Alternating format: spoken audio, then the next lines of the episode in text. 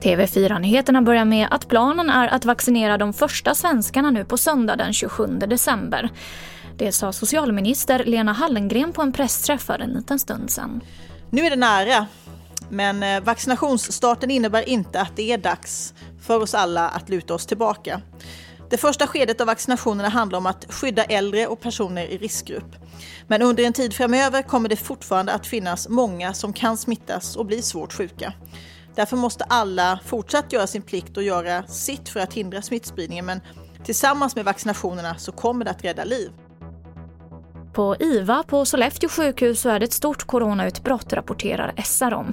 Enligt IVA-chefen så smittspårar man och man har kontinuerligt smittstäd inne på avdelningen.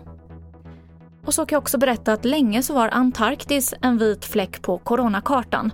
Men nu har viruset letat sig fram till planetens hittills enda smittfria kontinent.